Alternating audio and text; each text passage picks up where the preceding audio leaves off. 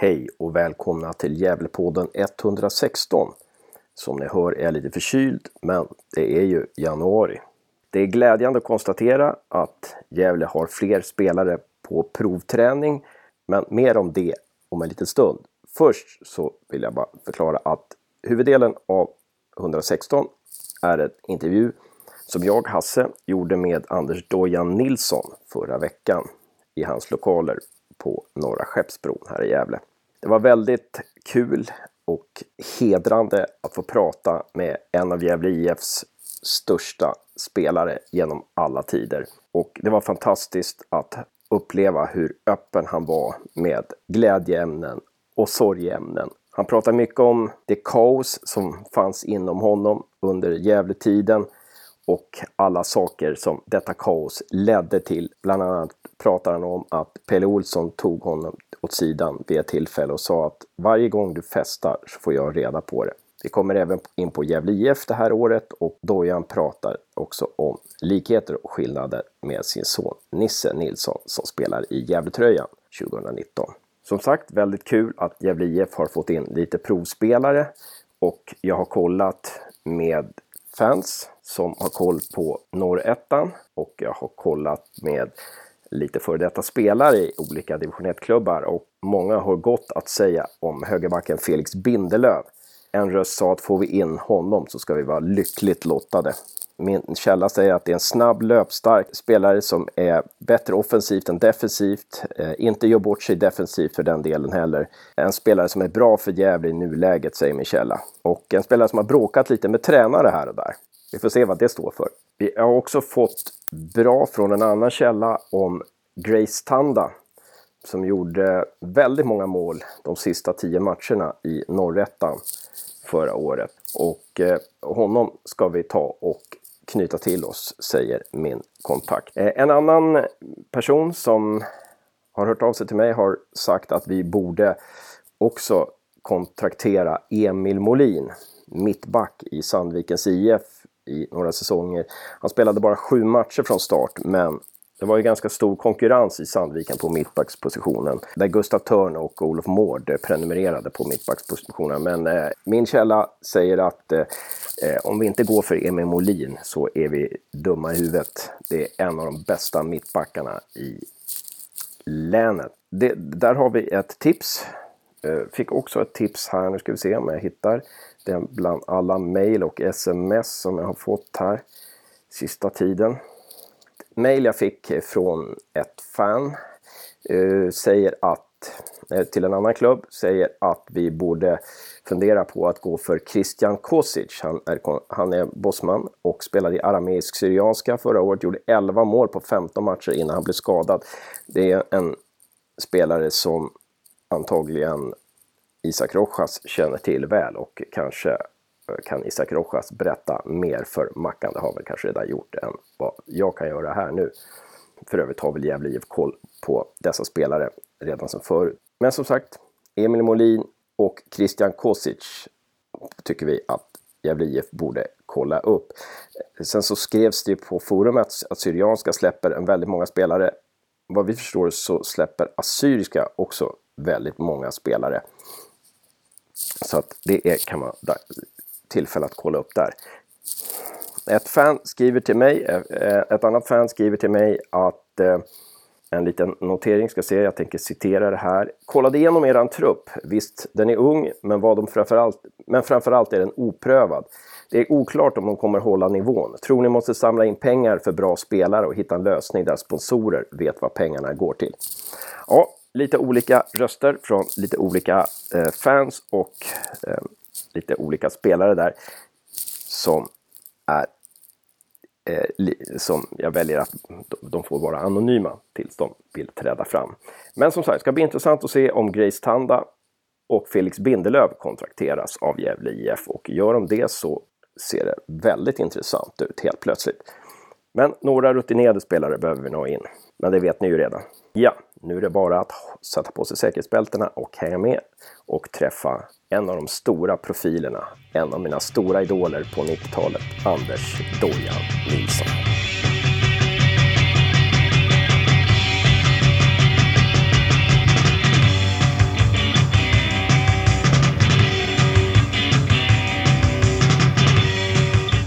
Stort välkommen till Gävlepodden, Anders Dojan Nilsson. Tack så mycket. Vi sitter i dina lokaler här på Norra Skeppsbron 7A. Ditt eh, nystartade företag. Vad heter företaget? Det heter Inside Rehab. Just det. Och Ja. får man fråga hur du kom på det namnet? Inside det är ett isländskt eh, ordspråk kan säga, som har ju egentligen flera betydelser. Men, men att se inifrån och intuition och att, att det inre havet utan gränser sådär. Lite halvflummet, det passar mig Ja, bra. Nej, men jag fastnade för själva namnet och allting så jag kände efter ett tag att det här var något år sedan jag träffade på det för första gången. Men äh, det här lär jag bara ha. Ja. Vad kul. Och vi måste ju prata lite om ditt företag, vad du gör nu. Och du har ju jobbat med, med, med andra eh, liksom, näringar i Gävle förut och sådär. Och din utveckling där på det här området vore ju jättespännande att prata om. Vi kan väl säga då att vi sitter här då, vi sitter på golvet. Eh, på gröna stol, stolar, på dy, dyner på golvet, men dyner med ryggstöd. Är det din egen uppfinning eller hur? Nej, det är så här. Jag var på en... en, en, en egentligen så en, en del av den här resan startade för lite över ett år sedan. Faktiskt. Jag var på en, på en kurs då som jag varit, eh, blev väldigt, väldigt förtjust i. Det hände mycket i den kursen med mig själv som jag inte hade känt på eller varit i kanske på 30-35 år. Och, och, och där så hade de de här stolarna och det är meditationsstolar. Eh, nu mediterar inte jag faktiskt så mycket. Men, men de är otroligt behagliga att bara vara i. Ja. Jag, jag känner mig otroligt avslappnad direkt. Vi har ljus på golvet och man tar av sig skorna och ja, ot- otroligt, otroligt skönt sitter jag faktiskt. Ja. Så att det här kan, kan, här kan bli en fyra timmars intervju. ja, det kan bli det. Jag tror att den här andningsgruppen som precis lämnade stället innan du kom. Jag tror att deras härliga energi ligger kvar. Just det. Har, du, har du någon tid där vi måste sluta, Anders? Har du Nej, det har jag Utan inte. vi kan köra på ett tag. Ja. Ja, nu sa jag Anders, men när vi pratade lite innan så frågade jag dig, ska jag kalla dig Anders eller Dojan? Då sa jag, men säg Dojan, jag trivs med det. Så här. Är, det Mm. är det någonting som du har under någon period tänkt att, ah, fan, det här Dojan, det, Mm. det, det, det måste jag komma bort ifrån? Eller hur är ditt förhållande till ditt smeknamn där? Dojan har ju funnits med mig ända sedan jag var sju år. Så, och det vart ganska snabbt. Jag kommer från ett brukssamhälle, Söderfors. Där har jag alla smeknamn. Minst ett, två, tre, fyra kanske till och med. så det var någonting som har följt med mig. Men det är klart att under min stökiga period, min stökiga period i livet kanske börjar eh, redan på 90-talet. När jag höll på med elitfotbollen. Och, och sen eh, in på 2000-talet när det var ja, men turbulent runt omkring mig så tror jag inte alltid att namnet Dojan var förknippat med så himla bra, bra saker helt enkelt. Just det, just Ja. det, då förstår jag. Och det är klart att det sätter sina spår sådär, men någonstans så känner jag väl ändå att jag, jag heter Dojan sådär. Det, hur fick du det namnet? Kommer du ihåg? Ja, det? jag kommer ihåg det mycket, mycket väl. Vi var nere och spelade fotboll på i Söderfors förut hade vi en hockeyrink. Det var, det var ju grusplan där och det var där och lira och en av brorsans polare, han är född 64, som, eh, som myntar det här därför att hela tiden så gick mitt skosnöre upp sådär. Och, och, och då sa jag stoppat, man sa ju det på den tiden, det var kul. Stoppat, jag måste knyta dojan. Vad härligt, jag blir, jag blir alldeles varm nu när jag säger ja, men, eh, Jag kommer ihåg det så himla väl, det är ju en speciell gång det här. Så att stoppat, jag måste knyta dojan och sen gjorde jag väl det x antal gånger och sen vart det dojan. Just det, just Ja. det. Ja, vad fasen, vad intressant, vad intressant. Och jag tycker det är så himla härligt att du, att du är så ärlig med säga att min stökiga period och så här.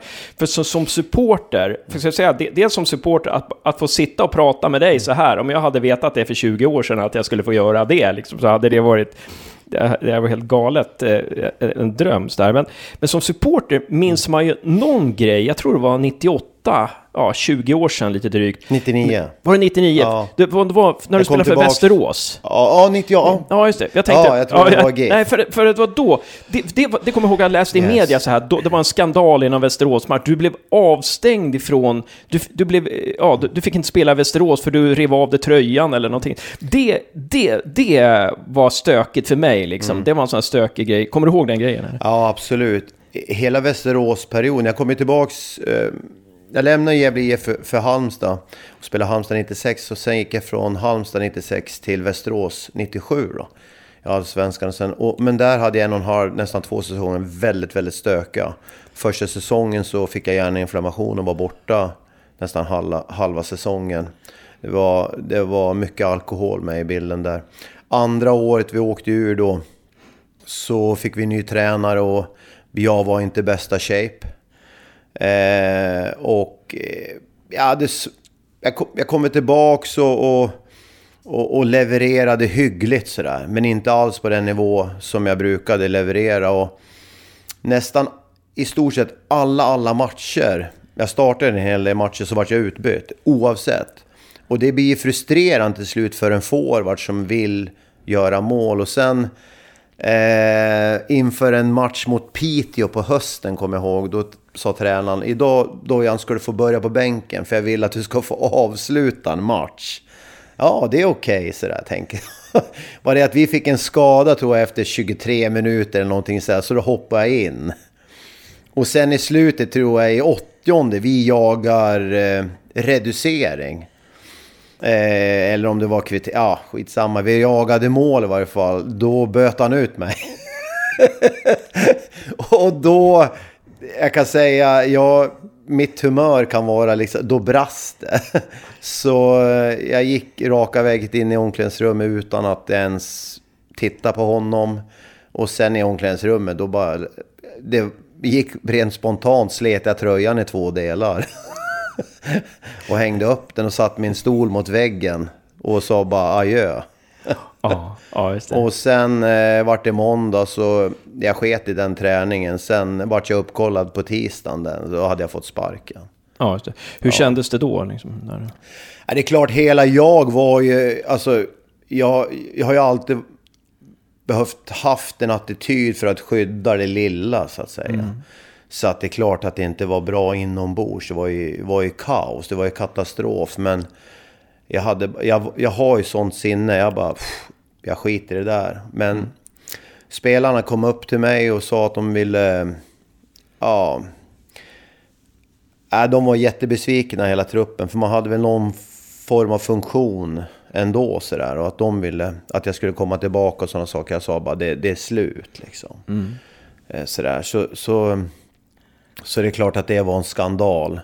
Mm. Eh, jag, det jag känner, kan känna egentligen mest, det är mot VSK support alltså där, som, ändå, mm. som jag tycker var schysst mot mig under de, den tiden jag var där. Och, mm. och sådana bitar. Och, och, så att det är en sån här liten grej som jag... Ja, helst skulle vilja ha ogjort. Ja, precis. precis. Ja. Men det är intressant, det finns ju så mycket att prata om här när det gäller dig, din fotboll och livet mm. vid sidan om. Men när, när jag tog upp, för det var en grej som jag tänkte på direkt när du sa stökigt, att det var den där nyheten som jag kommer ihåg, mm. den med VSK. På, för på den tiden filmades ju inte alla matcher. Nu, nu finns det ju allting på film överallt och, och finns det inte är det så någon som har varit där med mobilen. Liksom. Ja. Så, det var ju väldigt starkt när man läste om det där. Men när jag sa så här, din stökiga period, så, så, då tänkte du på något 99, va? Var det du tänkte på? då? Jag kom tillbaka till Gävle IF då. Och då var det också... Det hade väl alkoholen fått grepp om. För på hösten 88 var jag iväg och provspela proffsklubbar och, och liksom festa bort det. Och skulle åka vidare till England, till Oxford, det näst högsta och bara nej jag orkar inte. Jag var så mentalt trött och sådär. Och det hade ju med, naturligtvis med alkoholen att göra i slutändan den dränerar en på kraft och energi och självkänsla och självförtroende. Men, men jag skulle vilja säga, jag skulle inte säga att hela, hela 99 var så bortkastat, men det var turbulent och jag separerade då. Eh, och det hände en del grejer och sen inför det här är inte så många som vet faktiskt. Egentligen tror jag ingen vet om det. Så det blir väl nysläpp för det. Ja. Precis före seriestart så, så ringer jag. Då händer någonting inom familjen som jag... Jag känner bara, nu skiter jag i det här. Så jag ringer upp Pelle, du jag slutar idag. Och han får ju hybris naturligtvis spela. Han vet ju inte. Vad säger du för någonting? Nej men du, du får se dem efter nyfår. Jag lägger ner. Mm. Nej men det kan du inte bara göra. Jo det kan jag visst göra. Mm. Adjö. Och det där är jag, min impulsivitet. När jag får sova på saken och, jag kommer till rätta med de här grejerna i familjen så, så, ja, så fullföljer jag det året då. Och eh, jag tänker så här om det året med tanke på den, det festande som var runt omkring. Eh, så, så, så tror jag jag varit ändå utsedd till... Jag vann poängligan i GD. Trots allt. Och det säger ändå någonting, tänker jag. Men... men eh, ja, den där skandalen. Ja, det var väl någon skandal där runt sista april. Okej, det, det känner jag nog inte jag till. Nej, vi hade... Vi skulle spela mot Degerfors borta tror jag på... Ja, det var två dagar senare bara. Och sista april vart eh, blött. Extremt blött. Så när eh, vi har fest där hemma efter att ha varit i Uppsala på, på flotträningen, forsränningen menar jag. Så blir det stökigt och det blir varmt i lägenheten och, och vi ska öppna fönster naturligtvis. Men det går inte att öppna. Så till slut så får vi upp fönstret men då är Nilsson rätt irriterad så vi hakar av hela fönstret och kastar ut det. och när grannen kommer sen säger du vad, vad är det som ligger på, på, på gatan för någonting? Nej, jag har ingen aning vad det är. Så ja, det är klart att det är skandaler. För Blev det komma... nyhet? Eller? Nej, allting sånt där. Ja, hade, det var ingenting som kom fram. Nej. Men det tragiska i hela historien, om man säger så, när, när, när, när det händer så... Efter Degerfors, ja men jag gör, jag gör ju jag gör ju mitt och gör mer det till. För, för det är så allt det var. Jag vet att jag var ute och stöka. Då ska jag jobba ännu, ännu hårdare för att ingen ska liksom kunna gnälla. Och Men Pelle tog mig dagen efter och efter det. Det är skitsvårt att vara förbannad på dig Dojan, därför att du är ute och lever, du levererar ändå på matcherna där du behöver springa som 17 och jobbar till höger och till vänster. Men varje gång, du, bara så att du vet det, varje gång du är ute och, och, och festar så får jag reda på det. Sådär. Så att... Eh, och, och där kan man väl önska idag att det var någon som hade sagt ner foten och sagt nu räcker det. Hade du varit mottaglig för det då tror du? Ja, definitivt. Därför att när man är... Då var jag in, mera oförstörd än jag var tio år senare. Liksom. Jag tror att jag hade kunnat slå uppe fem, tio år i, i, i, med alkohol. Ja. Men, men det är ingenting jag klagar på. Och- Eller som, jag vet hur det svårt det var att komma in på mig, på skinn, in nära i mig. Därför att det var så många försvar. Va? Och, och eftersom jag ändå gjorde jobbet hyggligt så, så var det svårt att ja, säga någonting. Så. Ja, det hade, det hade behövts väldigt ihärdigt arbete från någon för att komma förbi den där fasaden. Ja, eller rätt person. Eller rätt person. Ja. Ja. Och hur kom det sig att du blev fri från, när blev du fri från alkoholen och hur kom det sig att du blev det? Liksom? ja, det tog ganska lång tid. Eh, grejen är så att eh, redan 2005 gjorde jag min första behandling. Eh, efter en rattfylla faktiskt. Och det är inte heller någon egentligen som vet om det. Jag vet inte ens om Nisse vet om det. Hej Nisse! nu vet du om det i varje fall. eh, och, men, men sen tog det faktiskt x antal behandlingar, öppenvårdsbehandlingar. Så jag höll på att traggla fram och tillbaka. Jag är ju den som inte har haft så stora problem att vara nykter i perioder. Så jag har inte haft något dagligt drickande den utan mitt har handlat om krogen och sen inte fått stopp så att säga. Och sen har det påverkat eh, det övriga livet. Eh, så jag har haft långa perioder, fyra månader, sex, åtta, ett år. Sådana nykterheter. Va? Eh, men, men det dröjde sex år till 2011 innan jag fick tag i det. Och då kände jag nog att eh, ja, men det hände någonting och eh, det var ett form av ultimatum. Jag tror att där vaknade jag upp. För bara något år tidigare så hade jag varit nykter i nio månader och kände då själv att Fan, det här börjar, det är rätt så skönt alltså att slippa. Jag kände att jag började bli utmattad och trött i det. Så, så då kände jag, och, och anledningen till att jag tog hjälp då, det var inte för... Jag, jag tittade inte så mycket längre på det jag drack, utan hur var mitt andra liv utan alkoholen? Och när jag verkligen började titta på det så vart jag oerhört besviken.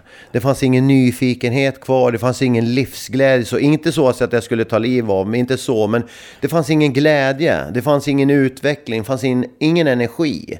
Jag hade bara stått och stampat på samma ställe över tio, tio års tid. Och det tyckte jag var så jäkla tragiskt.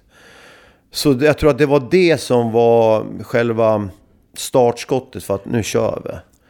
Och då mer eller mindre låste jag in mig en månad och sen fick jag hjälp av socialtjänsten så åkte jag iväg på en, en fem veckors behandling. Eh, men eftersom jag är en sån personlighet som har lätt för att laga och reparera mig själv. Och, och med sådana människor så måste man jobba längre, på lång sikt. För att få det här sunda förnuftet tillbaka, förstå att efter fyra, fem månader jag mår så här bra, det, har, det är kopplat till att jag inte dricker. Va? Men efter fyra, fem månader så är det lätt att säga, men hallå, det här var inga problem. Jag kan inte vara alkoholist nu eller beroende. För jag, de kan ju inte vara nykter så här länge. Va? Men, så jag valde att, att jobba vidare ytterligare på ett halvvägshus i två år faktiskt. Det jag var delvis som var ja, fantastiskt bra för mig. Helt underbart. Mm. Där tror jag att det satt liksom verkligen grunden för, eh, för ett annat liv. För jag tror att där måste man... Jag jobbar mycket så i, i mitt arbete när jag jobbar med beroende. Att man måste komma till, till att hitta det andra alternativet. Att det alternativet måste vara lockande. Det går inte bara att sluta liksom. Nu ska jag sluta, utan det måste finnas Nej. någonting ja, som man kan, lever för. Du kan inte bara ta bort flaskan Nej. eller drogen eller spelet och sen tro att livet ska bli bra. För alla kan sluta med, med, med att dricka eller droga. Men, men, att inte fortsätta igen. Det är där jobbet kommer. Den psykosociala stressen gör sig påmind. När man ska skjutsa ungarna till dagis, när man ska planera fotbollsträningar eller vad det nu är. Vi ska rida lilltjejen och man ska ha matinhandling. Hela allt det där systemet. Och st att stressen kan skapa att man behöver ta till någonting för att klara stressen. Mm. Eller det, det jag, jag jobbar jättemycket stressreducerande. Det är mm. en av mina grunder i min behandling. Mm att jobba stressreducerande. För eh, om vi tittar på beroende, det är ju en, en stressinducerad felreglering av belöningssystemet, do, vårt dopaminsystem. Så, så det, det, det är liksom det första man måste jobba med, den biokemiska reparationen. Uh, och, och, och, rutiner, kost, motion och sömn. När alla de bitarna är på plats, då börjar jobbet liksom. Titta på mig själv Mm. Vad är jag för figur egentligen? Ja, ja. Självinventeringen. Ja, precis. Jag förstår. Finns det också någon sida av... Jag tänker på det här, man tar till någonting för att dämpa sig eller bli någon annan eller för att man kan det också vara att man tar till det för att man inte känner att man räcker till eller att man har ångest eller att, det, att man känner sig liten på vissa plan? Mm. Eller hur tänker du där? Absolut, jag kan säga så här, jag var ju otroligt eh, reglerad i mitt drickande. Jag hade inte druckit på ett enda träningsläge fram till jag var 21 år. Jag var bara så här stenklar. När jag är på träningsläger med mina klubbar, jag, inte, jag drack inte en droppe, för jag är där för att träna. Där, där vet jag inte, många tror inte, jag var ju superseriös. Första träningsläget, det var när jag fick kontrakt med Djurgården. Jag kommer så väl ihåg det. Jag var så överrumplad, de spelade Buffalo en tävling där så, och jag gjorde fel och då var det bara att ställa sig upp inför alla och svepande ölen liksom. Och, och, det kändes inte bra för mig. Äh. Och det kändes inte bra. Ehm, och eh, för, för före det så hade jag kunnat spela fotboll rätt så, så jag, jag pratar hela tiden om den här ansträngningslösheten. Att kunna lira fotboll utan att... Som ett barn gör, med hela kroppen, med hela jaget där va. Eh, men när, när jag kom till Djurgården då, då, kände jag liksom att det var första gången. Men fram till det träningsläget då hade jag liksom... Då, då gick det så här enormt bra. Vi vann Nackas minne och spelade inför Globen i med ja, 14 000 five-a-side. Det är liksom, det är fantastiskt att få göra det. Så att, men kände att väl förberedd, inga problem, pirra lite i magen, skönt att gå in liksom. Eh, till 11 år senare när jag spelade division 7 och törs knappt gå fram och slå en straff. Där är, själva, där är beroendeutvecklingen för mig, vad som händer med en människa den dräneras på, på energi, självkänsla och självförtroende. Så det brukar liksom vara, eh, så här brukar, tänk att du har spelat inför det här. Allt är lugnt, du är väl förberedd, det pirrar magen, vad härligt nu jävlar. Till att liksom, ja, division 7. Mm. Så, så, så under den resans gång så, det är klart att litenheten kommer fram. För jag vill ju leverera. Mm. Och när inte jag levererar, jag var en spelare som jobbade mycket med med, med dribblingar och explosivitet och, och då kräver man att, det krävs att man är i bra fysisk form och klarar man inte, gör man inte sina dribblingar, då syns det direkt. Ja. Sådär. Så att jag var ju, var ju beroende av att leverera och att det, att det kändes bra. Och jag var beroende av att vara i bra form. Mm. Sådär. Jag vet inte var jag hamnade nu någonstans. Jag fladdrade Nej, ut nej, nej, nej det, det tycker jag inte. Nej, men just, ja, just det jag sa att, liksom att alkoholen kan vara att man skyddar sig för att man känner sig liten på vissa Ja, ja. ställen, eller man får ångest för vissa situationer. Och då kan det vara bra att ha ett skydd sådär. Mm. Eh, och hur är det idag då? Jag menar, alla människor får ju ångest ibland och känner att vad fan håller jag på med? Mm. Det här, nu är jag på fel ställe liksom. Och du inte har alkoholen, hur, hur gör du då? Grejen är så här att, att, som jag sa, att jag halkade in på den här banan. Jag, jag jobbar som andningspedagog. Andningspedagogik är en av mina grunderna i allt jag gör nu. Oavsett om jag jobbar med beroende eller om jag jobbar med, med idrottare. Så kommer det ligga i grunden. Eh, jag önskar att jag hade fått det i början av min, min, min, min nykterhet så att säga. Men nu kom den i, slu eller, i slutet, så ska jag inte säga. Ta återfall. Nej, det är lugnast för jävla om jag inte gör det. Nej, så... så eh, som jag sa, när jag var på den här kursen, då hände det någonting. Jag kom i kontakt. Jag kom i kontakt med mig som barn. Hur jag var. En sprallig, härlig kille. Som var full av liv liksom. Där det fanns självkänsla, där det fanns självförtroende.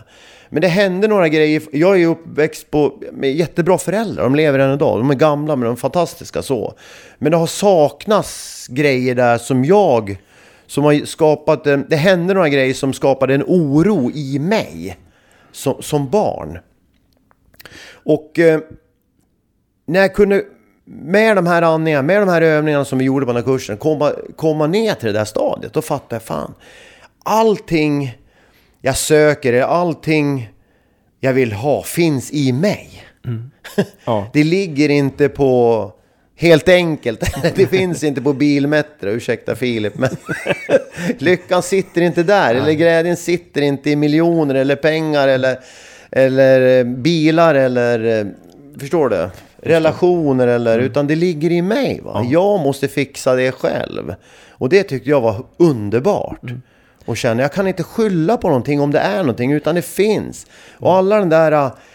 all den här kraften som finns i oss som människor, den har vi själv. Och för, jag jobbar mycket med andning. Jag gör jättemycket andning varje dag. Ja, ja.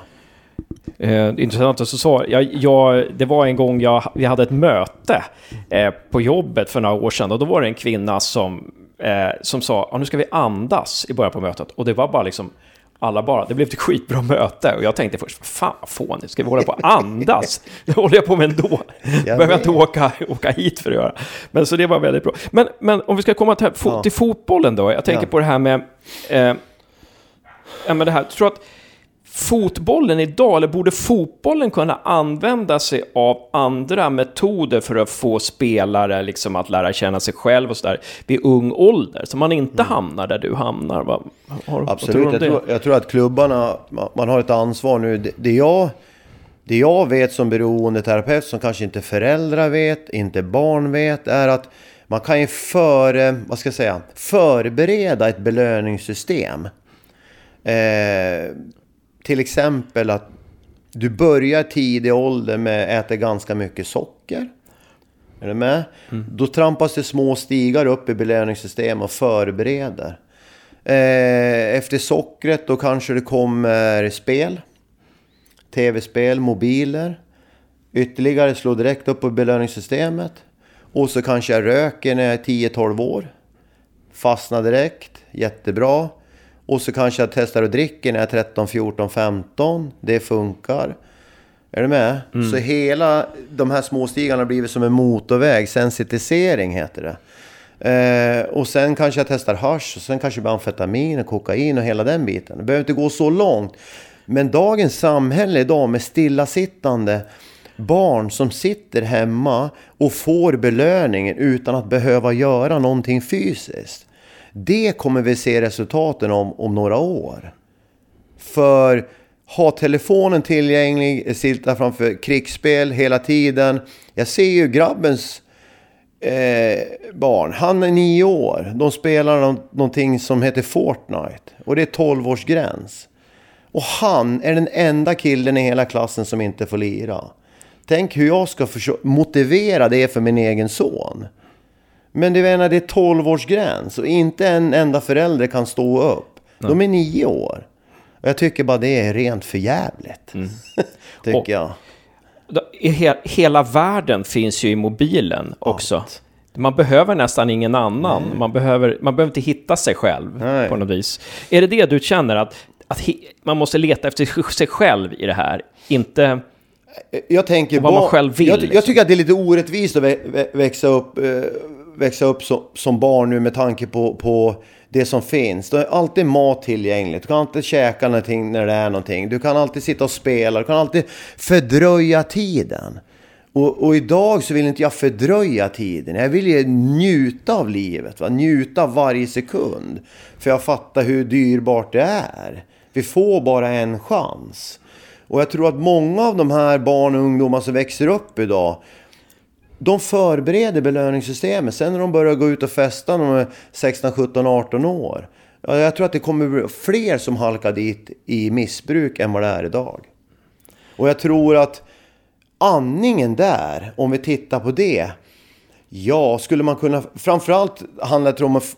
Alltså, om vi pratar alkohol och droger och rökning så här, det går inte att gå ut till ungdomar och slå dem i huvudet och säga så här, du, du ska inte göra så här för det får det här och det här och de här skadorna. Därför att när man är i den åldern så är man helt odödlig, när man är 16, 17, 18 år. Men däremot så kanske man kan börja jobba med såna här bitar med dem, att de får känna på. Hur är det för en grupp gymnasister att få en, en frigörande andning liksom? Vad händer då med dem? Vad, vad, förstår du? Det tillståndet. Det skulle ju vara superhäftigt att pröva. Du, du nämnde ju det här att alkoholen fanns på den tiden, fanns det ganska, var ganska förknippad med fotbollen också. Och det kan man väl säga fortfarande att det är att eh, man bjuder på sponsormiddagar och man ska sitta på vippen och, och, och dricka och man sitter i loger och dricker. Och, alltså det är ganska förknippat med, med idrotten på något vis. Är det fel tycker du, eller hur, hur kan man? Alltså, jag, är, jag, är, jag är ingen motståndare mot folk som dricker alkohol överhuvudtaget. Sådana saker. Men jag fattar, inte, jag fattar inte förhållandet mellan fotboll och alkohol. Även fast jag har haft alkoholproblem så har jag aldrig druckit mig full och varit på fotboll. Aldrig druckit mig full eller varit på konsert till exempel. För det bara försvinner i upplevelsen totalt. Så den, men men, men jag, jag tycker inte att det hör ihop överhuvudtaget. Jag tycker att det är tragiskt att man måste få in pengar för att en förening ska gå runt på alkohol. Va? Är Och så gör man reklam för spel och, så vidare spel också. är bedrövligt. Ja, precis. Det plingar i min jäkla telefon hela tiden. Fast jag aldrig spelar. Nej, nej, nej, det... Jag hörde någonstans om att de gjorde reklam för 8 miljarder tror jag på ett år nu, spelbolagen någonting. Då kan man ju tänka sig vad de får in. Ja men alltså. Då, När, när, när du till och med kan... eh, De är så säkra så att du... När du sätter in 3000 spänn på det så får du 3000 av dem. Så du har 6000 att lira för. De vet att du lirar bort det. ja. Ja, det är fast, jag tycker det är helt fa- fantastiskt den här resan som du gjort. Och vi kan väl komma in på den. Jag tänkte om vi skulle gå till det här med fotbollen då. Vi Ja. kommer ju säkert in på det här stökiga. För jag tycker det är intressant när du säger liksom det var stökigt. Och vi kan väl kolla liksom hur stökigt, hur var stökig te temperaturen just då? Vi kan väl stanna på vissa ställen. Men det var ju så här, du är uppväxt i Söderfors Ja. och liksom mittemellan Gävle och Uppsala ungefär kanske Ja. man kan säga. Det- blev, att det inte blev Sirius då istället för GIF. Mm. Jag har aldrig hört någonting från Sirius. Utan det vart... Resan vart eh, från Söderfors. Jag spelade A-lag där två år, fem, när jag var 15 och 16. Sen vart det till Strömsberg i två år. Och sen vart det vidare till film.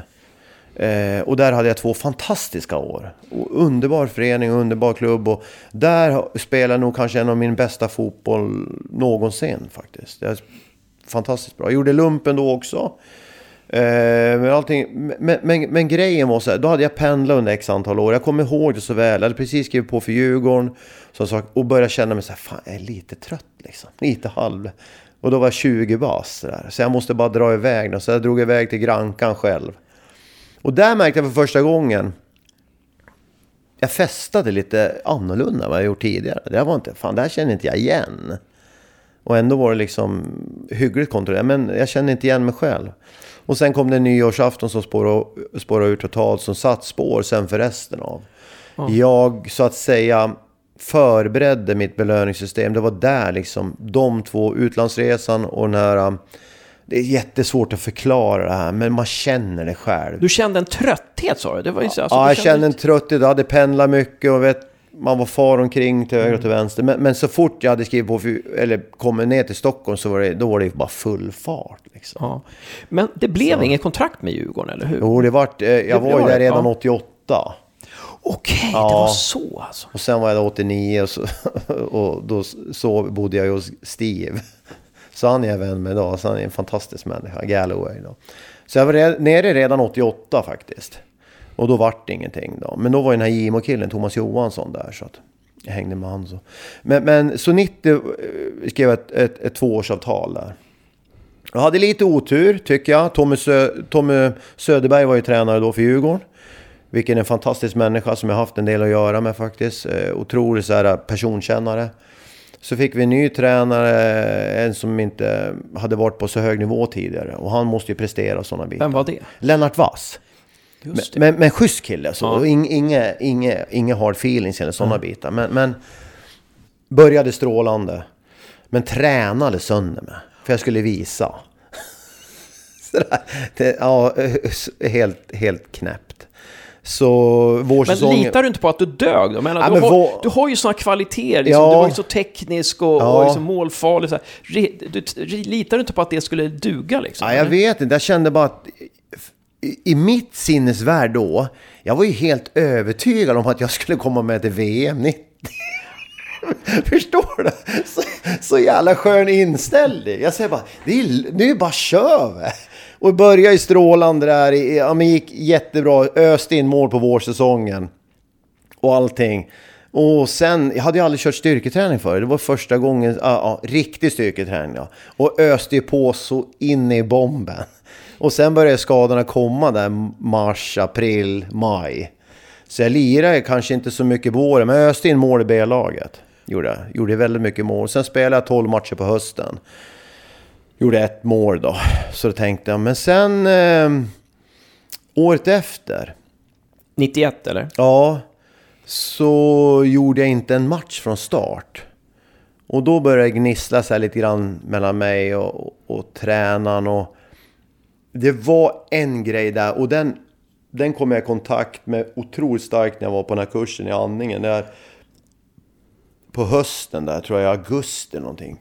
Vi, vi tränade på Stockholms stadion och han hade varit på med ganska mycket träna. Jag var en forward som ville ja, men vända och vrida och vända. Men han ville att jag skulle släppa tillbaks bollen. Vilket han naturligtvis hade rätt i. Vilket jag fick lära mig av Stefan Lundin sen. att det var bra när man är target player. Men, och vi hamnade där i någon diskussion, dispyt där. Och jag, var, jag ville vända bort en spelare i ett uppspel. Han hade sagt åt mig någon gång i tiden. Och då bara skriker han. Men spela tillbaka bollen då! Och jag svarar med... Jag spelar ju för fan hur jag vill. och då var det igång. Och du kan tänka dig hela Stockholm, det var helt knäpptyst där inne och han går igång. Det gör det så fan heller! Du ska göra som jag säger. och han bara mosar mig inför alla. Det är så här sjuk förnedring. Så han var eh, arg naturligtvis för att laget kanske inte gick så himla bra att inte jag gjorde och, och jag bara stod där och tog emot. Jag har dåliga minnen av det faktiskt. Vad som hände känner jag. kommer ihåg omklädningsrummet och Kjelle och Sivan och så var eh, materialarna. De kom ju fram och så här, ja, klappa om och sen jag tror jag bara... Jag, jag vet inte sen om det var film eller Djurgården som hörde av sig till film. För, för helt plötsligt så var jag i film och spelade på hösten 91. Men den Jag där bilden inte. kom tillbaka till dig sa du när du Ja, liksom den var skit, den här är med- jättestark. Ja, vad, vad är det så, tror du som gör att den kommer tillbaka? Att Ja, den lever så starkt i dig? Ja, den är så, det är så förnedrande. Det är sånt kaos inne i mig. Och inte bara för att Lennart gjorde så, för, för vi, har inga, vi har ju pratat efter det. Vi har ju inte ens det är inget problem, ni är en skit- skitschysst kille, vassen. Så. Men hela jag, det var turbulent inne i mig och det här var liksom... Någonstans hade alkoholen börjat få tag där också. Jag drack inte så ofta, men det var ja, men planera. Och det, det ställde till det för sig, den här mentala besattheten. Som är svår att förklara för någon som kanske inte är beroende. Men, men, så det var kaos och det där var liksom droppen som fick bägarna rinna över. Det var... Fick, var det någon som pratade med er om det här då, eller spelade inte det någon roll? Hade inte du lyssnat, lyssnade inte du så bra då vid den Nej, jag hade ingen som nådde mig. Det var Nej, skit... nej. det Vad var hade behövts? Vem, vem hade kunnat nå dig där? Om du skulle, någon personlighetstyp som hade kunnat Tommy nå dig? Söderberg tror jag. Okej. Ja. Jag tror det. Det- det där, för, för, för då, idag, ja då skulle, finns det andra människor. Men, men just där och då. är svårt att säga. Någon som lyssnar från grunden liksom. Och Ja, som någon som inte- ser en. Ser igenom alla försvar och ser hur dåligt man mår kanske egentligen. Sådär. och, och då kom du tillbaka till film Nu då? kommer jag tillbaks till film. Första matchen mot Avesta. Utvisad. Det är väl lika bra att jag, jag berättar allting nu som, så att alla förstår vilken skitstövel jag egentligen är. Men det, är det man får säga om det, du är konsekvent. Jag är oerhört konsekvent. Så att, ja... jag Vad- hur ens var säga- utvisningen? Kommer du ihåg? På Ja, jag kommer ihåg den exakt. Ja, hur var den? Första, först så tröck jag en kille, jag kommer inte ihåg, hade ju bra fysik när man kommer från allsvenskan liksom då. Och kom tillbaks till, var ju tre, eller var trean då, de hade åkt ur nu, ja, året efter. Så var i trean, så tröck jag en kille från sidan, det var egentligen ingenting, men han flög som en vante ut över sidlinjen, så, så varning, tjup. Och, och, och grejen är att jag, den här eh, domaren var ju från Gävle sådär då. Eh, jag vet inte hur mycket jag ska berätta. Men det var en domare från Gävle i alla fall. Som... Ja, och, och, och jag vet Var inte om han trodde där, att jag hade varit man, tjej eller någonting sådär. Eller om jag hade varit, jag har ingen aning om det. Men du kände att det var personligt på något vis? Ja, men eh, jättepersonligt. Och sen i, i vad heter det, precis före halvtid så, här, så slår jag bort en passning. Så här, då skriker jag rakt titta liksom. Men han tror att jag skrek det andra ordet. Han var övertygad. Jag har aldrig sett någon så stolt domare spatsera fram och rycka upp det röda. Ansikte. Men där var du ju missförstådd faktiskt. Det Ja, var ju- alltså, så att det var, men det var så typiskt för mitt liv just då. Och, och det jag var i, det blir så. Va? Om någon konstig anledning och, och... Ja, jag kan säga att jag fick repar... Jag vet inte om jag... Nej, jag tror Kjelle betalade det. Jag fick i alla fall reparera dörren in till omklädningsrummet. Okej. För du, du sparkade sönder den alltså. Jag vet inte säga mer än så. Ja, just det. Men du, du måste ju haft en ganska lyckad säsong i film då, i och med att du kom till eh, GIF sen då. Ja, grejen var så här. I, i film på hösten där, det här, nu är vi på 91. Ja, då, spelade 91 vi, då spelade vi SIA-cupen och då eh, gjorde jag, skadade jag mig. Jag fick en intryckning på ett ben eh, nedanför lilltån. Eh, så jag kunde inte träna i januari, februari och sen... Då jobbade jag som gymnastiklärare i Tierp och sen kände jag att det hände någonting där och då åkte jag in och röntgade och då hade det gått av. Så då opererade jag foten. Då satte de in en stålplatta och eh, eh, satte i åtta skruvar i foten. Eh, så då var jag borta hela våren eh, 92. Och sen kom jag tillbaks på hösten 93. Nej, 92, förlåt nu då. Eh, och då gick vi upp i, i tvåan igen med fel. Vi vann kval upp i Östersund och sådana saker. Och det gick, ja, men det gick bra. Och då vart GIF intresserade. Eh, Vem var det du pratade med från GIF då? Ja, Var det Stefan Lundin? Nej, jag undrar. Pesse säger att det är Pesse. Pesse sa ju att det var Pesse. Okej, okej. Tyvärr är inte Pesse med oss länge. eh, Så han hade... Ja, eh, men det kan nog gå... Jag kommer inte ihåg. Nej. Stefan. St- Nej. Pesse var nog med där. Jag vet att han var med där. Men om det var Stefan. Men då på hösten så hade jag känt så här att... eh, Det var inte jättemycket alkohol då så, men jag tänkte att det var, det var lite för mycket då för jag ville fortfarande satsa på fotboll. Eh, så då tänkte jag, nej. Och då hade jag någon tjej som sa, jag var ihop med en tjej och hon sa så här, du kan inte ens, du kan inte vara nykter en månad ens. Det så. Jo, lätt sa jag. Så gick det två veckor så bara dök det upp världens roligaste fest. Men du, sa jag, jag kan vara nykter men du, jag lär fan gå på den här. Och vad var det jag sa? Vad var det jag sa? Och jag var ju så här, men du, vänta, gör så här. Jag ska vara nykter hela 93. Så var jag det.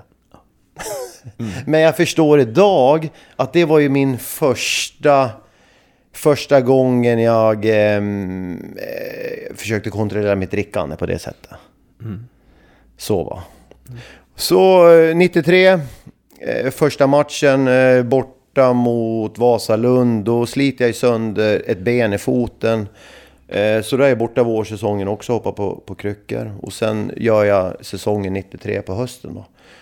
Går väl skapligt och sådär och, och levererar lite grann i slutet av det. Tycker jag börjar komma igång. Um, och Hasse Bergen kom med dig samtidigt va? Gjorde han inte det? Hasse kom... Jag kan... Kom han i, Jag tror han kom 94. Okej, okay, okej. Okay. Jag mm. tror det. Mm. Och han satt på bänken va? Liksom du spelade... Var inte han lite så här avbytare? Jo. När du gick ut kom han in eller? Absolut. Det är mitt minne i alla fall. Då. 94, 95 så, så vad heter det... Var det oftast jag och Fyr som vi hade ju väldigt bra forwardsbesättning. Och så Dan Ytterbom och så var det Berggren. Båda de två var ju liksom färdiga att kunna lira bara det. Så det var en jäkla konkurrens. Um, men, men 93 är slut och sen åker vi upp på nyår till Sälen och så då blir det liksom första festen på, på ett år. Liksom. Och sen vart det ju ganska mycket partajande. För Stefan Lundin och tänkte, fan vilken kille jag var fått till Gävle. Han dricker ju inte ens. ja, liksom... Underbart nyförvärv. Fast de visste inte vad som låg där under. Nej. Men, och, och sen började 94 då, så, ja. så då, när, när du väl hade festat på nyåret där, och bar det ut för lite då där? Eller ja, men då, fest, då, då hade det här året gett mig sån och jag märker så här, om jag tittar på hela 90-talet så, så 93 är det liksom överlägset härligaste året för mig. Fast jag bara spelade en halv säsong, jag var skadad. Men hur jag mådde i övrigt va. Mm. Eh, men jag kunde inte koppla det till alkoholen då. Va? Så 94 festade ganska mycket men hade vrålkondition, orka, orkade mycket som helst. Eh, ja, sen träffade man tjej och ja. Och så var det lugnare. Sen eh, på hösten, då började, jag då började jag leverera riktigt, riktigt bra fotbollsmässigt. Det var väl då tror jag vi startade upp. Det var då folk började få upp ögonen för Gävle IF. Då började vi bli riktigt bra. Och sen eh, kom 95 och sen vart det ett jättebra år så här, för hela, hela föreningen. Ja. Vart det. Med mycket publik på läktarna och bra fotboll. Och, och kval mot Öster då? Kval mot Öster. Ja. ja. Det var ju, alltså, ja, jag var helt knäckt där. Att det blev hemmamatchen på Råsunda. Mm, liksom. Det är absurt. Va, va, vad tror du? Hade vi fått spela på Strömvallen så hade vi kunnat gå upp där. Uh, jag, tror, jag tror att, för Öster var ju inte bra. Nej. Men vi var ju inte bra där heller på Råsunda. Helt plötsligt skulle vi gå ner och spela fem man i backlinjen. Liksom. Det var ju jättekonstigt ja. för oss. För vi kom med ett grymt självförtroende. Vi sa det, fyra alla vi pratade, vad fan håller vi på med? Mm. Det är vi som ska gå in och köra. Mm. Men redan där och, och, och, och ställa upp in, in vad, vad blir det då? Fem, ja men... Ja, det var mest en, en fembackslinje. Bara där tappar man självförtroendet. Va? Mm. Och där tror jag att, där tror jag att tränarna... Eh, ja, måste, ja, jag tror att de känner själva att det var inte bra. Nej. Inte bra. Så att det var inget bra kval för oss. Vi levererar ju inte heller. Vad, vad, tror du hade hänt om, om vi spekulerar? Om vi hade slagit Öster där och gått upp i allsvenskan med det lag vi hade där. För Bernhardsson hade väl kommit in då, eller kom in då precis, tror jag kom in till det året kanske mm. också. Eh, hur tror du det hade blivit då? Eh. Jag vet inte. Det är så otroligt svårt att säga det. Ja. Vi hade ju, jag tycker vi hade väldigt många bra spelare mogna spelare också. Från backlinjen. Vi hade bra spelare i backlinjen. Stark. Stark. Ja. Vi hade utvecklingsbara spelare. Vi hade spelare med rutin. Så vi hade ett väldigt, väldigt bra lag. Eh, svårt att säga om hur, hur det hade kunnat gått. Men jag tror att... Ja, det är svårt. För ja. det är en skillnad mellan ettan och, och, och allsvenskan. Så och det är det bara. Och det kanske var särskilt stor skillnad då. Men om vi hade gått upp i allsvenskan då, tror du, tror du att du hade gått till Halmstad då? Jag vet inte. Halmstad kom in sent i bilden. Det var ju så här att det, var, det var så oerhört många klubbar som hörde av sig då. Och vi, låg, vi var i väntans tider så jag kunde inte åka ut. Det ringde hela dagarna. Från höger och till vänster. Men när Halmstad ringde då hade de precis blivit av med Gudmundsson till Blackburn. Och skulle fylla det. Det är klart att det var intressant för då hade de eh, kört över Parma i kuppen och, och de hade... Så att det var ju liksom, vart det aldrig något snack om saken. Vilket jag kan ångra idag naturligtvis. Att jag åkte ner dit och... För jag tror att det hade varit bättre att ta ett annat steg. Till exempel Umeå med Steve Galloway och, och där jag kände folk. Och jag hade legat lumpen i Umeå, jag kunde stan. Men det är lätt att vara efterklok med mm. sådana grejer. Men Halmstad lockade för mycket så att jag bara åkte ner och skrev på. Va? I Umeå, då hade du kunnat, då hade du varit en startspelare direkt. Du hade varit en bärande spelare ja. och fått med förtroende direkt. Ja, och sen i Halmstad, jag... fick, var du tvungen att bevisa någonting eller? Ja, absolut. Mm. Det absolut. Det var tufft. Jag, jag märkte direkt en nivåskillnad i Halmstad. Det var varje träning för mig. Och vi tränade ganska länge och var ganska nedkörda. Eh, och därför levererade vi inte så bra året efter. Men redan året efter, jag, jag var ju där 96, 97 tog de SM-guld. Så jag tror att eh, den träningen Pral körde då...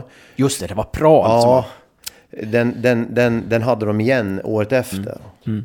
Sen fick de eh, undrar om de inte fick Liljenberg och, och Just det, ja. lånade honom ja, där. Ja, jag tror det. Men, eh, alltså det är ju otroligt. Det är intressant att du nämner Gudmundsson där. Mm. Eh, din son Nisse Nilsson nu mm. vann skytteligan, eller kom i topp i skytteligan division 2. Gudmundsson, hans son, mm. är ju eh, på väg till Malmö FF nu. Mm. Eh, gjort bra i Superettan, 19 år eller något sånt där.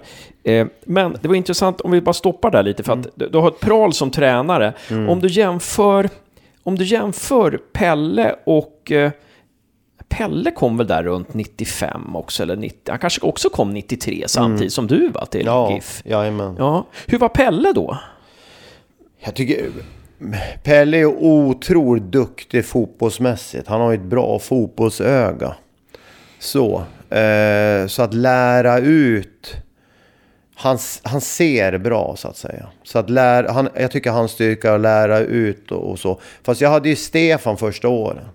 Precis. Men de är ganska lika. Men Stefan passade mig väldigt, väldigt bra också som person. Hur är de olika där? Eller var olika? Jag tror att Stefan är lite, lite mera utåt och jag tror att Pelle är lite mera introvert. Även fast jag, Pelle vet ju. Pelle är inte knäpp. Han är, han är smart. Han vet vad han behöver jobba med för att han ska bli en framgångsrik tränare. Han vet vilka svagheter han har. Och, och jag tror att Stefan jag hade, han passade mig ganska bra. För han har också varit ja, men, förstår, ute i... Ja, svira omkring och sådär. Men, men även fast jag har fått ultimatum och han också. För det, det hände ju grejer redan på den tiden. Mm. Mm. sådär liksom. Min 25-årsfest 95. Eller okay. 94, förlåt ja, nu då. Ja. Men, men så, så. så, Stefan var lite tydligare och Pelle var lite mer inbundna. Men då, då var ju Pelle i början av sin tränarbana. Absolut. Eh, och, och eh, men märkte man redan då att han hade liksom talang för det här? Ja, framförallt så hade han eh, viljan och villigheten. Precis som jag såg när jag kom till Halmstad så var Janne Andersson i Halmstad som ungdomstränare. Och man ligger ändå, A-laget ligger ganska nära ja, juniortruppen sådär. Och man ser det här genuina fotbollsintresset nästan till det liksom... Och det har ju Pelle också. Nästan till det maniska. Ja, liksom. Pelle har ju det. Mm. Han, han, är, så att det Pelle inte vet om fotboll, det är inte värt att veta. Mm. Men! Vi kommer till en annan grej. Det som handlar om att jobba med människor. Du lär ju jobba med 20 människor som du ska föra framåt till ett och samma mål, det vill säga SM-guld. Och hur får du dem att nå dit? Hur får du spelarna 12, 13 och uppåt och finna sig att vara där de är? Förstår du? Fotboll eller ledarskap, eller, det handlar om så mycket annat än bara kunskaper. Det handlar om någonting annat, det handlar om energier och allting sånt där. Och timing. Mm. Och hur skulle du säga att Stefan och Pelle var där. Ja, men jag tycker att de, för, för oss var de väldigt, väldigt bra där vi var i Gävle IF då, för det var tydligt. Otroligt tydligt. Vi, vi, vi visste exakt vad vi skulle göra i, i, i laget. Eh, men vi kunde ju aldrig, till exempel om vi mötte något sämre lag i cupen, division 3-lag, så kunde vi aldrig spela ut dem. För vi hade vårat spel. Så vi vann, likväl som vi kunde slå Umeå med 1-0 så slog vi ett division 4-lag med 1-0, 2-0 också. Mm. Så, så att, ja. Men det passade oss då. Pelle, också det här med att han har varit forward och du var forward. Spelade det in någonting? Alltså lärde du kan du peka på att du lärde dig någonting av honom? Så här, just för att du var forward, han liksom, ja, visade upp någonting. Ja, både Stefan och, och, och, Pelle har lärt mig mycket. Men det var ju Stefan som började i det där. därför att det var väldigt mycket forwardspel. Hur vi skulle röra oss, var vi skulle befinna oss hur vi skulle sätta tillbaka, hur vi skulle löpa. Det var ju första gången jag kom i kontakt där vi egentligen hade jag ska säga, så, att kalla, så att kalla organiserade löpningar så att säga. Eh, och det följer otroligt väl ut, för det var egentligen inga andra som sysslade med det, vad vi kunde se. Så, så forwardspelet vart otroligt tryggt. Att, att, att, som target player veta vad man ska göra. Det handlar också mycket om timing och trygghet och sådana bitar. Så att där lärde jag mig jättemycket och det passade mig. För när jag kunde det så var det mycket fria tyglar sista tredjedelen. Och då förstod att ibland måste man vända, vända tillbaka. Ja. Det, är jag... liksom att det föll på plats där, att du fick en förklaring till varför ja. man ska göra det. Det kanske var det som saknades i Djurgården, eller? Absolut. Jag tror att för mig har tydligheten varit det viktigaste i, i ledarskap oavsett om vi, om vi pratar om idrott eller om vi pratar i, på ett företag. Jag är sån som person. Jag måste ha tydligt ledarskap. Annars så så vet jag att det kommer att fallera på sikt. Därför att vi är olika människor, alla som jobbar under det här ledarskapet. Då när du gick från GIF då, under haft Lundin och, och Olsson och så mm. fick du Tom Prahl där. Mm. För visst var han där 96 när du, det var ditt första år också? Ja, det var och, Hur skilde sig Tom Prahl skulle säga mot Lundin och Olsson? Här? Prahl är ganska, jag gillar ju Prahl. Han har sån här engelsk, brittisk torr humor, jag tycker ju om det. Han är jävligt på liksom. Han kräver, han har höga krav, han ställer höga krav. Men han är schysst som person, men han är inte, han är inte rädd, han är orädd.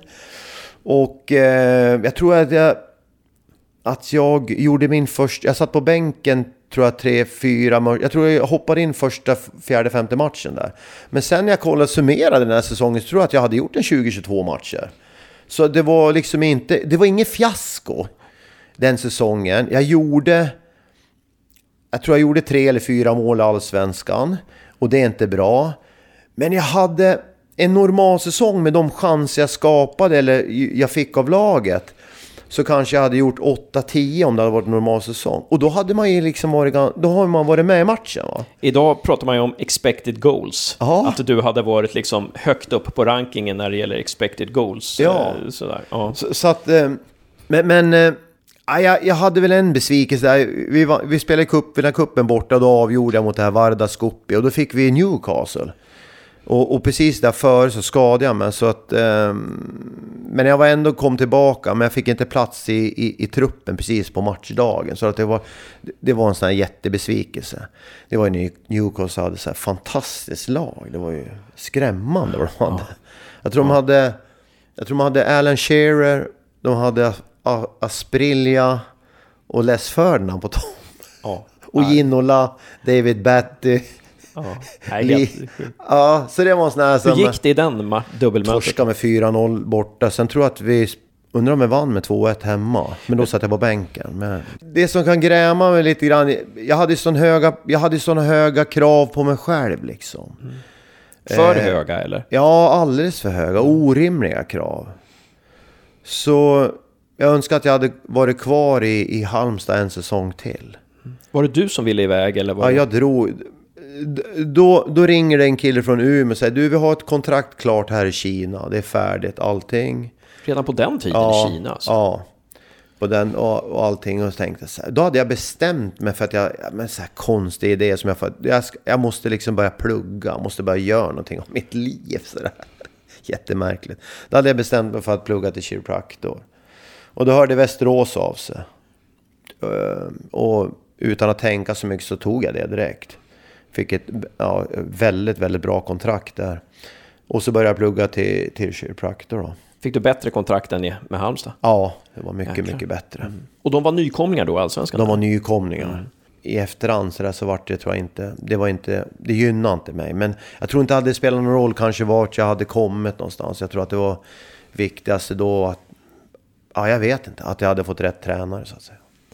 Men då, då, man var inte rätt tränare i Västerås då? Nej, Liston kom ju då. Jo, men Liston är ju schysst så, sådana saker. Men Liston är ju bra på att ta klubbar som är i kris.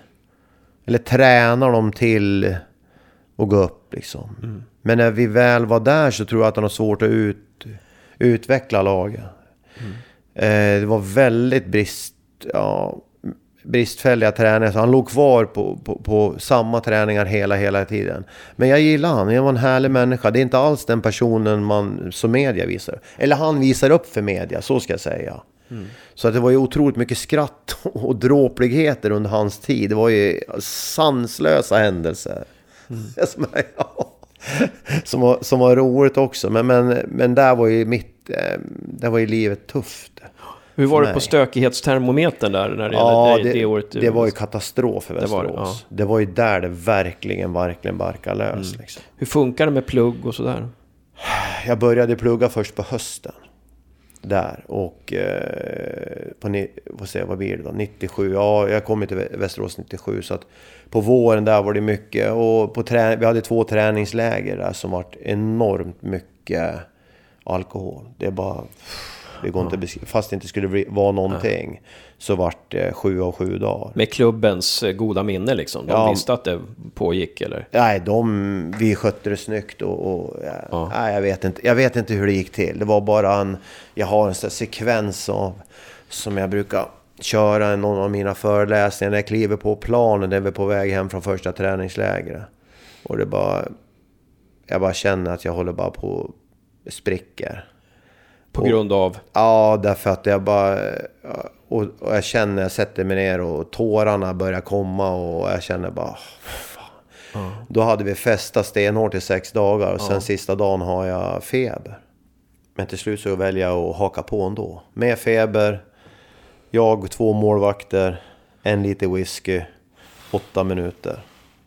Ah, Okej. Så, så, så, så och, och, och, och planet, jag känner bara. Men som vanligt så blir den här, psh, fan skärp till den nu för fan.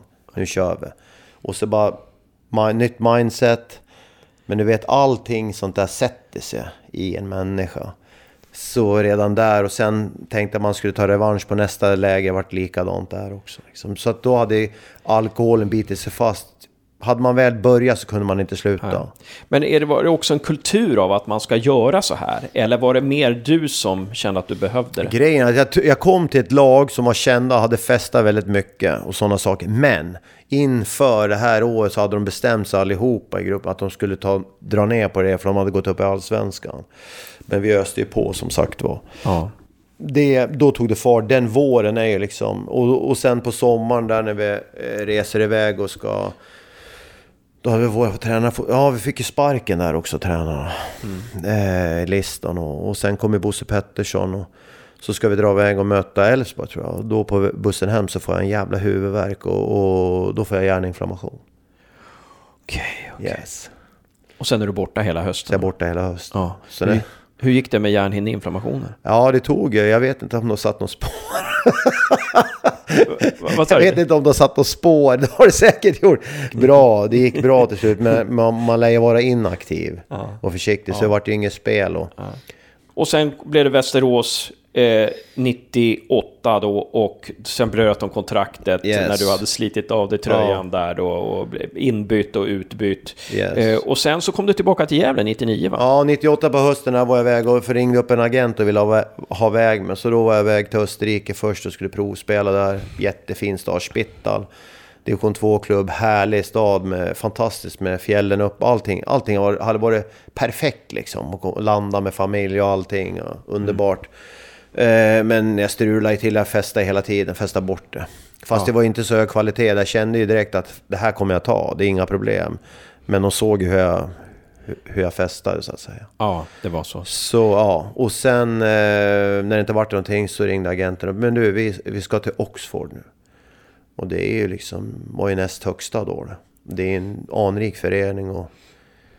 Och där är också, jag tänker så här, från att älska någonting så mycket till att liksom tacka nej till att åka iväg och prova. För jag var inte där mentalt helt enkelt. Ja, det. Eh, och sen var jag väl på väg där under hösten. Det var snack om eh, Brommapojkarna och vad heter det? Inte dag... ehm, Café Opera. Nej, nej, ja, det hade kunnat vara en klubb. Jag har ju många gamla Djurgårdskompisar som lirade där. Eh, nej, Södertäljeklubben, herregud. Tapp- Assyriska. Assyriska var på väg. Så där var jag uppe och förhandlade på, på NK. De har ju restaurangen högst där uppe. Det var en udda upplevelse kan jag säga. Så, eh, men Micke Borgqvist var där samtidigt så jag fattade att de kommer nog välja Micke istället. Ja. Borken tror jag det passade dem. Ja, en, han, det, jag tror att det var det de behövde, en, en hård mittfältare. Men på något Så- vis så kom du tillbaka till Gävle då? Var Sen- det Gävle som hörde av sig eller var det du som hörde av dig? Eller hur funkar det? Nej, det var, eh, jag började träna lite grann med dem på Ja. hösten och sen hörde de av sig helt enkelt. Det var Stefan då. Och sen skrev jag kontrakt med dem för då kunde jag plugga vidare på, på, på kiropraktorhögskolan också. Så att det är klart att det var dumt att, att, att misslyckas. Ha en relation hemma som är halvtaskig, som är så på grund av allting som händer. Man spelar lite fotboll, ska du pendla till Stockholm och plugga varje dag i fyra års tid. Så här i efterhand så var det ju dumt att misslyckas. Men jag gjorde mina, mina studier färdiga och ja, men det är väl en av de här grejerna man har med sig. Att har jag sagt någonting så ska jag göra det. Liksom. Det är ju grymt. Ja. Gra- grattis så här långt i efterhand. Ja. Bra jobbat. Ja. Där. Men hur, det, jag, jag smsade faktiskt lite med Jimmy Morén här. För jag undrar liksom, jag har ingen minne om, när slutade du i GIF sen? ja, 99. Ja, du gjorde bara några matcher då 99 eller? Nej, det jag gjorde, du, jag gjorde hela säsongen. Ja, okej. Gjorde hela säsongen och ja, vi åkte ju ur då vet du. Just ja, du var ju med ur, då. jag var ju med ja, då, Det var ja. kaffe, det var ju Café Opera. Café Opera, just ja, det. i kvalet. Just det. Så, och sen efter det så det vart nästan ingenting. Pelle hörde av sig att ja, det blir väl ingenting nästa år för det. Nej, det kanske inte blir det. Jag vet inte, men jag kände att jag bara var skittrött. Eh, mentalt slut, jag kände att... Äh, och, och GIF tror jag inte... Jag tror att de ville satsa nytt. Så kände jag. Kanske på, på Och vilket, vilket var ett lyckat drag, för de gick ju upp. Verkligen. Ja, Verkligen. de, gjorde de har gjort fantastiska säsonger efter det. Hur är det med ditt fotbollsintresse? Följde du GIF någonting då så här? Eller liksom kapar du med fotbollen helt när du sen pluggade? Och... Ja, nej, jag var jag var ju vad heter det, ungdomstränare för grabben i åtta år i Gävle IF. Ja, Var jag. Så jag var inne där Just länge, men, men när man håller på med fotboll så länge så... Jo, jag var och kollade på en hel del fotboll då också. Men det trappades av på, på, på slutet. Det har börjat komma tillbaks först nu. Eh, igen, intresset för elitidrott. Faktiskt. mellan vilka år var du ungdomstränare där? När började vi där? Det måste tänka efter 96. Han började när han var fem. 2000 tror jag, 2008. Ja, 2000, 2008. Och så gjorde du en comeback i Brynäs 2009. Ja, Där. 40. Ja, En, någon, någon, någon slags comeback där. Ja. Men och då, lira lite. Det var rätt så skönt för jag tror att jag började... Jag spelade relativt så här, ansträngningslöst. då. Det var ganska skönt att lira då. Sådär. Men, men... Eh, ja. hur har du följt GIF på senare år då? Ja, som jag sa så har jag inte varit på så för mycket fotboll. Jag, för det första, jag har aldrig varit en person som har under hela mitt liv tittat på mycket fotboll och sånt. Jag tycker om att skjuta, dribbla och spela själv. Eh, Även när jag var liten så tittade jag inte på så mycket matcher och jag kollade inte så mycket på Champions League. Eller jag kollade på ja, de stora VM och EM och sånt. Då följer jag allt. Det tycker jag är kul. Men så, så jag hade velat titta mer. Jag ska ärligt erkänna att jag känner en oerhörd besvikelse när de flyttar från Strömvallen. Vårt kära Gävle IF. Jag tror inte på att göra en sån jätterokad. Eh, sådär, men nu är det som det är. Eh, jag hoppas att folket i Gävle och publiken kan ta sig dit i år och stötta dem. Jag tror att nu är det mycket Gävlekillar med. Och folk från distriktet. Och börja bygga därifrån. Placeringar är o, totalt oväsentligt. Eh, och Fast det är bra att inte åka ur kanske. det får vi säga. Det får vi säga. Eh, och jag hoppas att vi kan ja, men ge, ge tränarna liksom, eh, trygghet och, och, och tillit och, och tid. Och inte stressa. Och, va- ö, och inte bara tränare utan hela föreningen sådär. Tänker jag. Det, det, det, är, det är ju lite svårt som supporter att ge förening tid när man åker ner. Vet. Liksom, man- man känner, vad fan, nu, får du nu, nu måste du ju vända någon gång här. Du kan Mm. inte hålla på liksom, med det här. Men, men jag förstår hur, hur du tänker. Mm. Det är rent intellektuellt förstår jag det. Men vad, vad tror du Nisse då? Vad tror du om värvningen av Nisse eh, för GIF?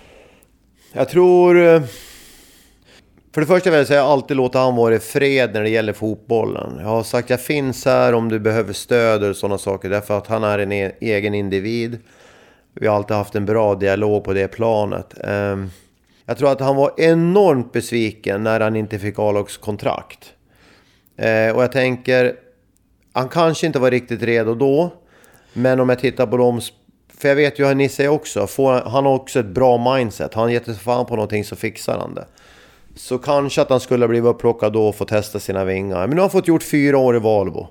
På lite olika platser. Eh, och där tror jag att han har mognat och spelar ytterback och, och eh, mittback och mittfält, innermittfältare. Eller inte mittback utan yttermittfältare och, och innermittfältare. Och sen sista året nu fick han ju börja lira forward igen, för han är ju forward från första början. Eh, och jag trodde inte eh, att han skulle hitta så pass rätt direkt. För det brukar ta lite tid med timing och sånt. Och så. så jag tycker att han har gjort en väldigt bra säsong i, i, i Valbo. Det som är positivt med Nils det är att han, han har en, en, en bra fysik som eh, går att utveckla mer. Det finns mycket, mycket mer att ta av. Eh, Så det finns stor utvecklingspotential till honom. Eh, Så att jag hoppas att han bara inte behöver ha så höga prestationskrav utan komma dit. Träna så mycket som möjligt, akklimatisera sig, ha roligt och sen eh, får det bli le- leverans när det liksom är läge för det. Så känner jag. Har han någonting liksom, mentalt eller speltekniskt som du inte hade? Som du är lite avundsjuk på honom eller som, Eh. du, som du saknar? Eller? Jag var ju så... Och jag är ju vänsterfotad. Just det. De människorna är ju speciella. De är ju lite knäpp. Nej då. Eh, sådär. Nisse är ju... Om vi, den tekniska biten, det han kan göra med fotboll sådär, det har jag aldrig kunnat gjort. Liksom. Jag aldrig inte, han är väldigt teknisk, han, är, han har många bra skills. Eh, han är inte... Ja, han är högerfotad, men, men han är inte så präglad högerskytt. Jag tycker att han har ett bra, bra driv med bollen. Jag tycker att kanske att han är... Han, som jag sa, han har mycket utvecklingspotential och han kan utveckla sin snabbhet ännu, ännu mera. Eh, eh, vi, vi känns rätt olika som spelare just nu. Det ska bli kul att se om vi blir lika som spelare eller om, om, om det finns någonting där. Jag tycker att vi är olika. Och det blir så, om man jämför nästan alltid en vänsterfotad med en högerfotad så blir det bara olika där. Det är ungefär som att, att, att jämföra en rightskytt med en, med en leftare i hockey. Liksom. De är olika på Ja. något sätt. Just det, det Ja. intressant. I rörelsemönster och allting. När är Nisse född? Vilket år? 95 95 Så, eh, du pratar ju om, dina, om din stökiga tid, 90-tal var stökigt sådär. Eh, Och, och liksom, är det någonting som ni pratar om? Eller någonting som han har upplevt sådär, i sin uppväxt? Att, Ja. Ditt stökiga liv eller? Jag, som, jag var ju sån att jag försökte Eh, jag festade aldrig hemma. Jag drack aldrig hemma med familjen, inför familjen. Jag drog iväg om det var så. Och under de åren så, så när vi festade, så, ja men då var det på lagfester. så, när jag var i fotbollen så. Jag har ju liksom aldrig... Jag har druckit dagen före någon gång sådär. Men, men eh, inför familjen så, och även när vi separerade sen så har jag alltid varit otroligt tydlig med att sköta mina åtaganden. Därför jag älskar att vara pappa och älskar barn. Så när vi har haft varannan vecka då har det varit fokus på det. Han har aldrig sett mig i det förrän på slutet. Så då var jag med om de här grejerna. Då fick han också vara med om att med svikna löften. Man skulle hämta på söndagar men man kunde inte för man var förpackad. Och, och det känns skönt att få prata om det idag för det är en enorm skam i det. Och sen tror man ju inte att, att jag påverkar den, den beroende som tycker att han sköter allting det där. Men jag menar, varannan vecka om man är ute och härjar och fredag, lördag och, och, och sen ska man hämta. Man är inte, man är inte liksom människa. Förstår du? Hur, hur blir beteendena för mig som förälder när jag är det, när jag har mina barn liksom? Mm. Så det är klart att jag kan se det i efterhand, så här, det är klart att de påverkas. Och vi, mm. Nisse kom ju faktiskt i, i, utan att hänga ut honom för mycket i våras och, och ville snacka om en del saker. Och det tar ju lång tid innan man får tilliten tillbaka. Sådär. Mm. Mm. Så att det är klart att han har hämmats av mitt liv. Eh, han har hämmats av mig.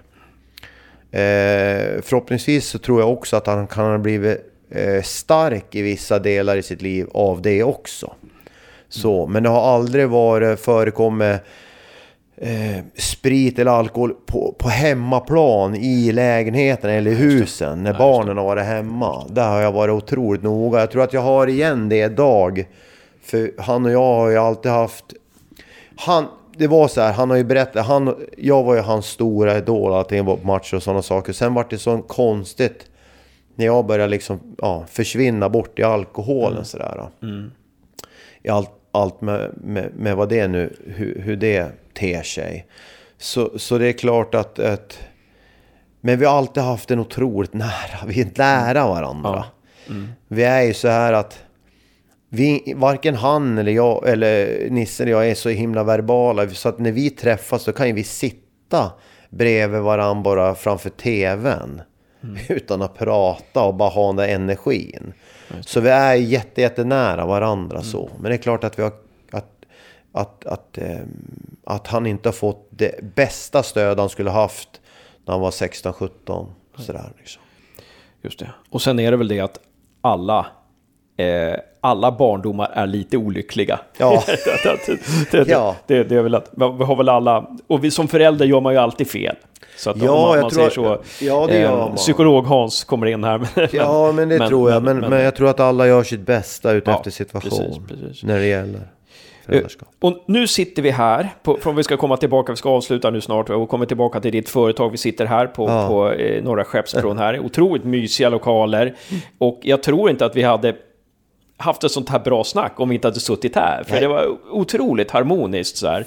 Och, och, och, du, du är ju, när man pratar med Halmstad-fans och Västerås-fans mm. idag, mm. så kommer de ihåg, ja, inte de, de som inte levde då, kommer inte mm. ihåg, men de som levde, alltså de som, de som var fotbollsintresserade, gick på matcherna, kom ihåg dig idag, fast du bara gjorde ett år i Halmstad. Ja. Och, och gjorde ett och ett halvt år i Västerås, så är du ju mm. ändå på, på, på supportrarnas läppar på något mm. vis. Eh, märker du det själv, eller känner du av det själv? Eller? Det, ja, det jag har känt, det, framförallt kanske senaste åren, att det fortfarande kommer fram människor i Gävle idag, äldre människor, och, och pratar om den här 94-95-tiden. Och, och, och, och, det är klart att eftersom jag tycker själv att det har varit ganska stökigt runt mig själv, och det är jag som har skapat det, så blir jag otroligt tacksam och glad och stolt för det jag ändå lyckades göra för Gävle IF och deras fans 94-95. För jag vet att många pratar om de där somrarna 94-95. Det var ju magiskt på Strömvallen då. Mm. Och vi spelare kunde också känna att det var magiskt att få spela.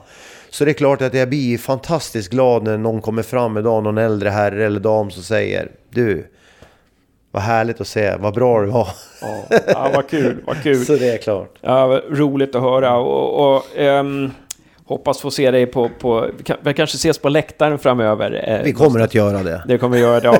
Du, du har ju Nisse där nu att titta på. Men nej, det här, jag skulle vilja att du berättar lite om ditt företag, mm. men innan du gör det, ska jag bara höra om du kunde berätta lite om, äh, berätta, har du någon fördel när du går in i näringslivet så här att av ditt eh, fotbollsförflutna? Där? Ja, det har jag. Fokus. Och sen när jag verkligen började titta på det så har jag jobbat med gruppdynamik ända sedan jag var liten pojke. Jag har varit i olika idrottslag och det gör mycket. Man lär sig känna av grupper, man lär sig känna av människor. Och jag älskar ledarskap. Det är underbart roligt. Det finns eh, fantastiskt. Och, och näringslivet, det man behöver hjälp med där, det är man, när man inte är grundad i, i företagandet. Då behöver jag jag behöver ha hjälp i mitt företagande. Va? Hur säljer jag mitt koncept? Hur, hur vad ska jag säga, eh, ja hur säljer jag det? Hur får jag ut det? Det som jag, det jag har att sälja, mina tjänster, det vet jag att jag kan.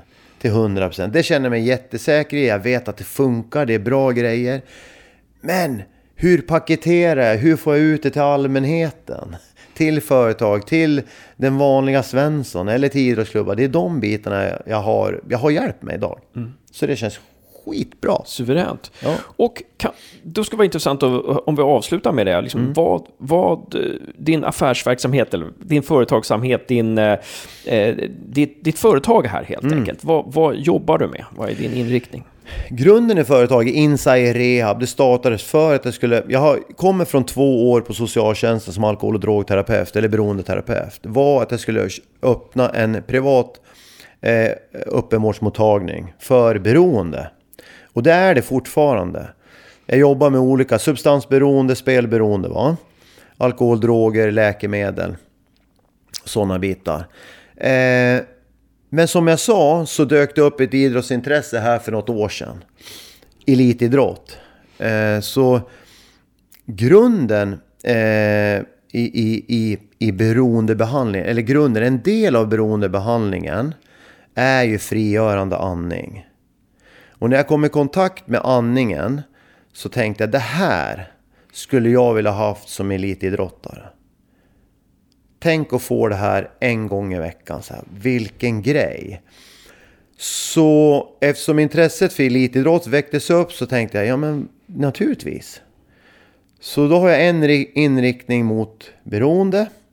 Jag har en inriktning mot idrottare, de som vill bli elitidrottare eller de som redan är där. Och sen en, en inriktning som är eh, föreläsningar och utbildning ja, inom beroendelära.